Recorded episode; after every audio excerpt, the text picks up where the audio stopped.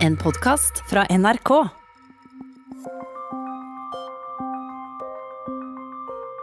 This land was made for you and me. We will honor the American people with the truth and nothing else.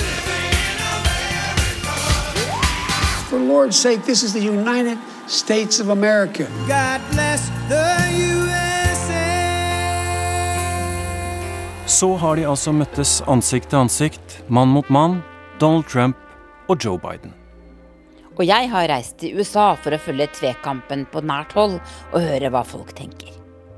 Én ting er at det er valgkamp, men er det nærmest litt krig i Amerika nå? Det føles sånn. Folk har krøpet langt ned i skyttergravene på begge sider og vet ikke når de tør å komme opp igjen. Du hører på Krig og fred i Amerika Med Tove Bjørgaas i Pittsburgh, Pennsylvania. Og Tore Moland i Oslo.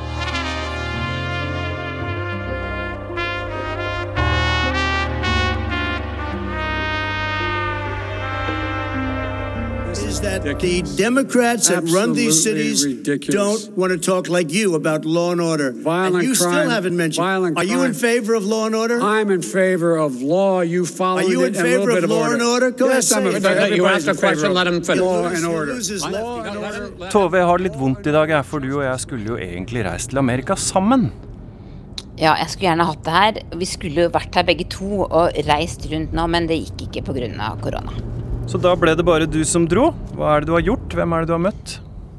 Jeg har kjørt eh, i sør og nord og øst og vest i en drøy uke nå. Jeg tror jeg har sittet i bilen i mellom 25 og 30 timer. Og nå har jeg endt opp i Pennsylvania i noen dager for å følge debatten og så snakke med folk om hvordan de egentlig har det i denne helt spesielle valgkampen. Da er det på med munnbindet, for nå skal jeg gå inn på dette watch-partyet for den første debatten mellom Trump og Biden. Og her øser jeg dere. Hvorfor er eh, Pennsylvania så viktig i denne valgkampen, Tove? Det er fordi dette er en av delstatene der Trump avgjorde valget sist. Da var det veldig sterk splittelse her.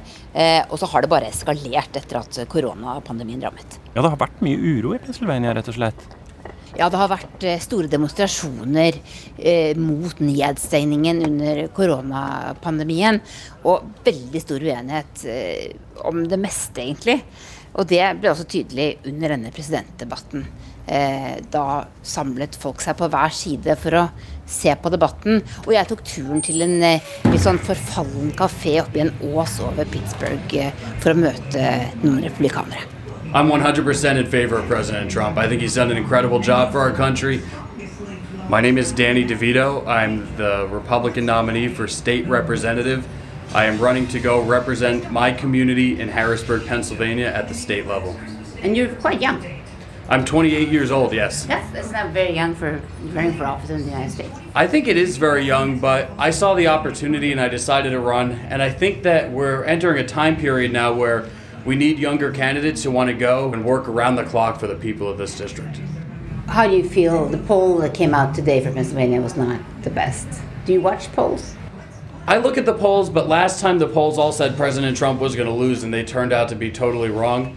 And, you know, I, I look at them, but I take them with a grain of salt, too. I think that speaking from my own experience from the gut, when I go door to door, I'm finding a lot of people who support President Trump. And I think we call it the silent majority, and I think that's going to happen again in November.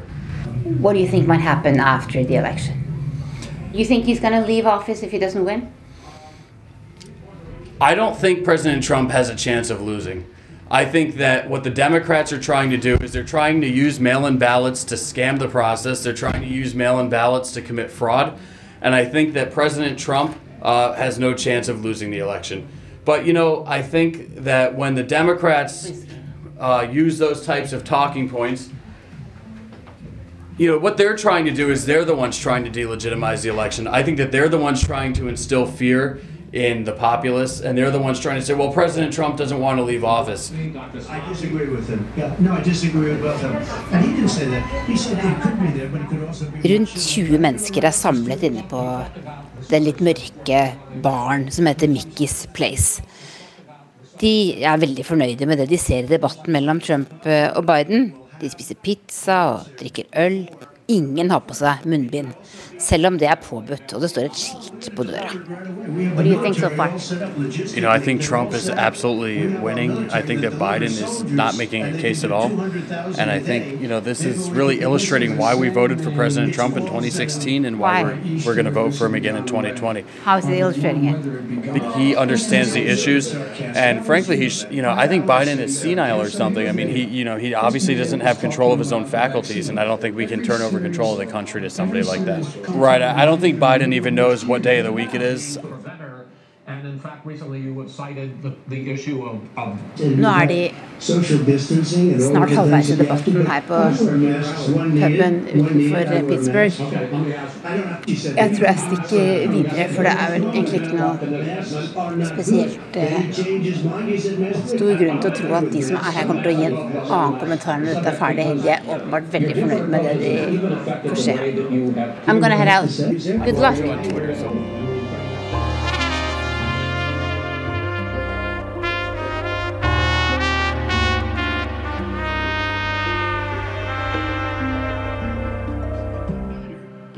Nå har jeg kommet tilbake på hotellrommet. Biden og Trump krangler fortsatt, et par minutter igjen av debatten. Og jeg har logga meg på et annet eh, party, en annen eh, fest.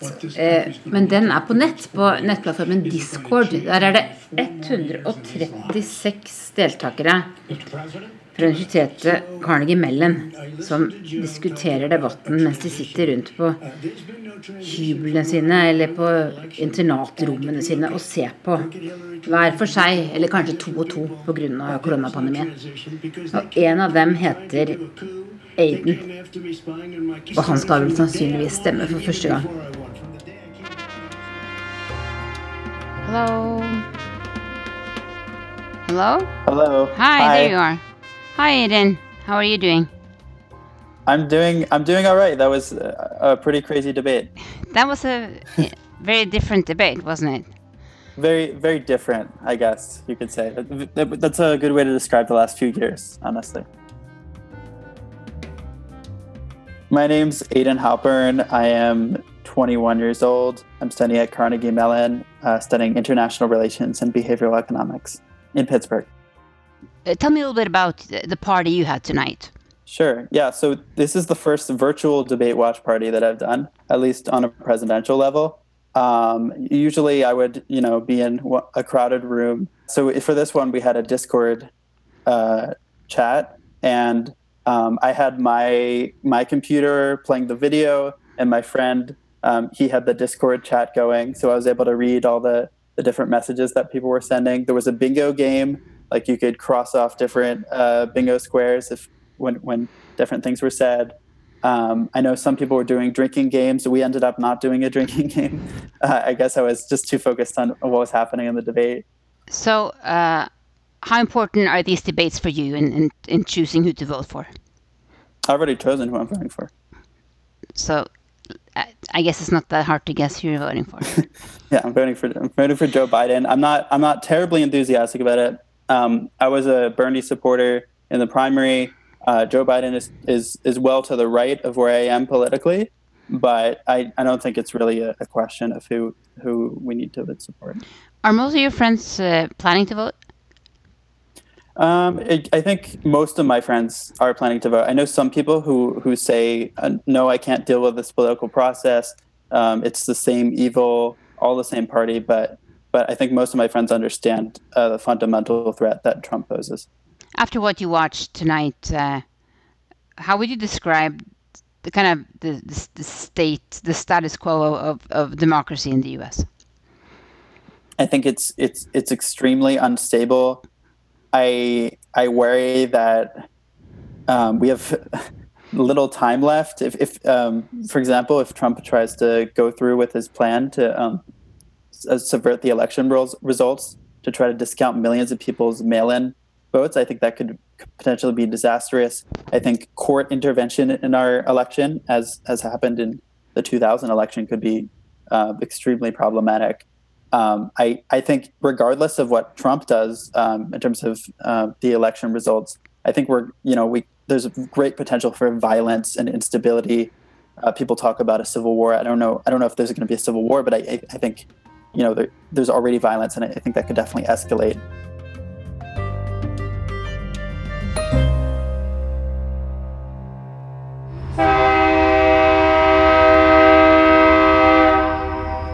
Lyden av gammel storhet kan fortsatt høres i Pittsburgh. Men godstogene fraktet mer da dette var selve stålbyen i USA.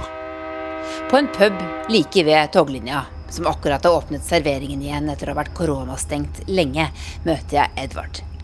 En tidligere kollega i Norge har tipset meg om ham, etter at han skrev noe på Facebook i forrige uke. Hun har jobbet med Afrika. Det har Edvard også.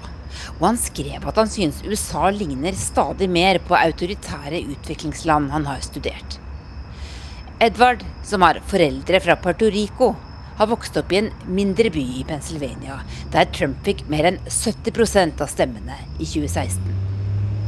Og han mener han har en forklaring på hvorfor steder som Pennsylvania slites i stykker av motsetninger nå. you come from a country where people actually really do have a chance to, to make it. Uh, we don't. We have to be real about that. Americans can't see it that way because we've been told from day one of our life here in this country that we live in the greatest country on earth. Our income disparities, I mean, Kenya has lesser income disparity than the United States. It's among the worst in the world. Even amongst some of the African countries I go, I've been researching this a lot for my new book, so this stuff's kind of top of my head. And I, I mean, you could couple that with our liberal gun laws, and that's probably why we have a crime problem. Because so many people just can't see a way out.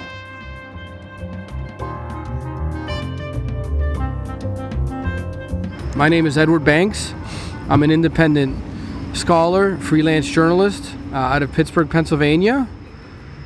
Uh, this is where we are right now. And I, re- I write and research uh, the African continent, uh, the politics of the continent, and the heavy metal music culture of the African continent. An interesting combination. Norwegians may find an interest in that, but, but yeah. You wrote something on Facebook that Ah, my Facebook post and you compared what's going on in the United States. with what I've seen in Africa. Yes, very much so. Actually, I saw it a lot in Trump's campaign. I kind of kept quiet. I never really used my Facebook page to broadcast my political views or anything. Always just been to broadcast photos of my nieces and nephews and to like my favorite band's new albums and whatnot. But I decided the last few weeks to just I can't I can't keep this quiet anymore because it's just getting too out of hand Why? Because the information that people believe to be true is just absolutely ludicrous. To me, this is what I've seen. Like the patterns of authoritarianism are very much present right now. And I know I'm not alone. I know a lot of political scientists have been saying this for years. Uh, even noted conservative um, political scientists have been saying this is exactly how authoritarianism begins. I've always agreed. Um, authoritarianism is a tipping point. It's a series of events that happens that leads to a point where an unquestioned authority and a ruler. And now that he's campaigning for re-election, he's also campaigned on on on the blatant platform of just stealing the election, of not recognizing it, and he hammered down on it twice this week. Um, can you describe Pennsylvania for me? Yeah, it's it's my favorite state, my home state. It's beautiful. It's fairly large uh, geographically. We're about 15 million. Uh, we're long east to west, not as much north to south. You can drive north to south in the state in two and a half hours. For America, that's pretty long. I don't think that's long for Norway, but it's a six-hour drive from east to west. Uh, has long been marked by its in- industries. So, so how, how has uh, COVID affected you? Personally, uh, we've been okay in our family, thankfully. Uh, I've known of people that have gotten this. I've known of people that have been hospitalized. I've known of friends of friends who have passed away, sadly, from it. Uh, you know, it, but it's it's affected us all here. It shut us down. Um, uh, the worst part about it is is being surrounded by. I mean, I live in a region where there's a lot of willful denialism on it, and it's just frustrating because shouting matches in public. You know, it's just So, so explain that to me. So people are, are arguing about the virus. Yeah, because they, they get their information from specious sources, let's say. Uh, Facebook pages, Twitter links, um, the president. yeah. So what, what is the most uh, The craziest thing you've experienced? Uh, people actually fist fighting over their political views, um, which is never I've never seen before personally here. Like in the bar or just... Uh, yes, I have fist fights in bars, shouting matches. Um, I mean, uh, the shouts of people calling each other racist. There have been um, like racial epithets thrown at friends of mine who are not white. Uh, I've been told to go back to where I come from, being a Hispanic, more often than I wanted to be in the last few years. But you, know, you have to move on from it. But uh, a Trumper definitely told me once I don't even belong to be here.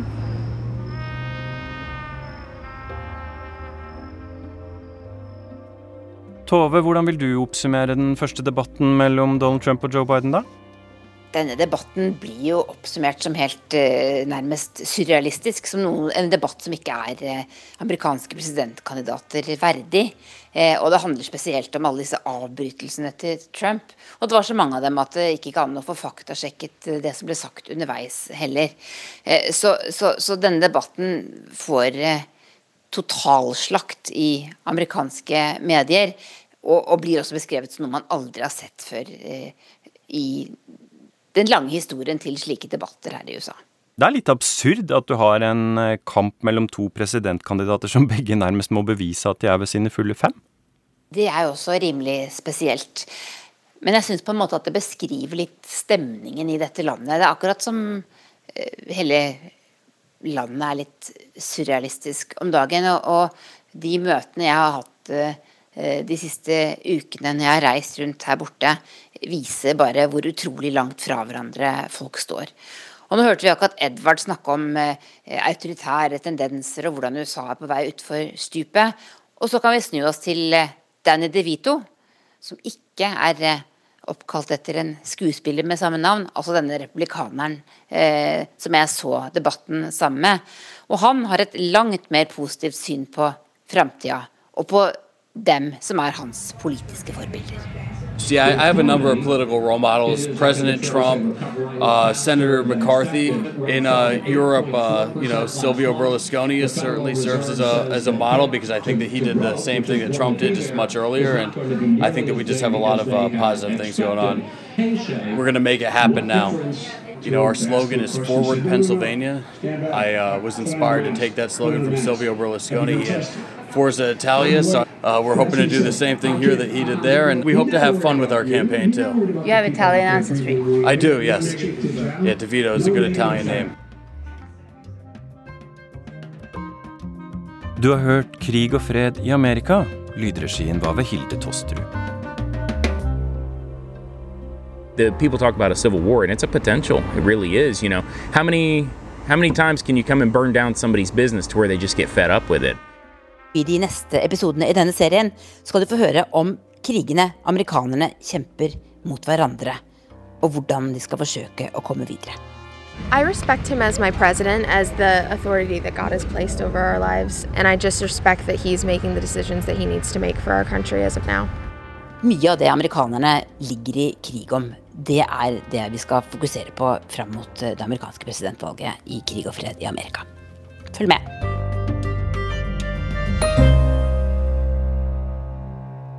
Du har hørt en podkast fra NRK.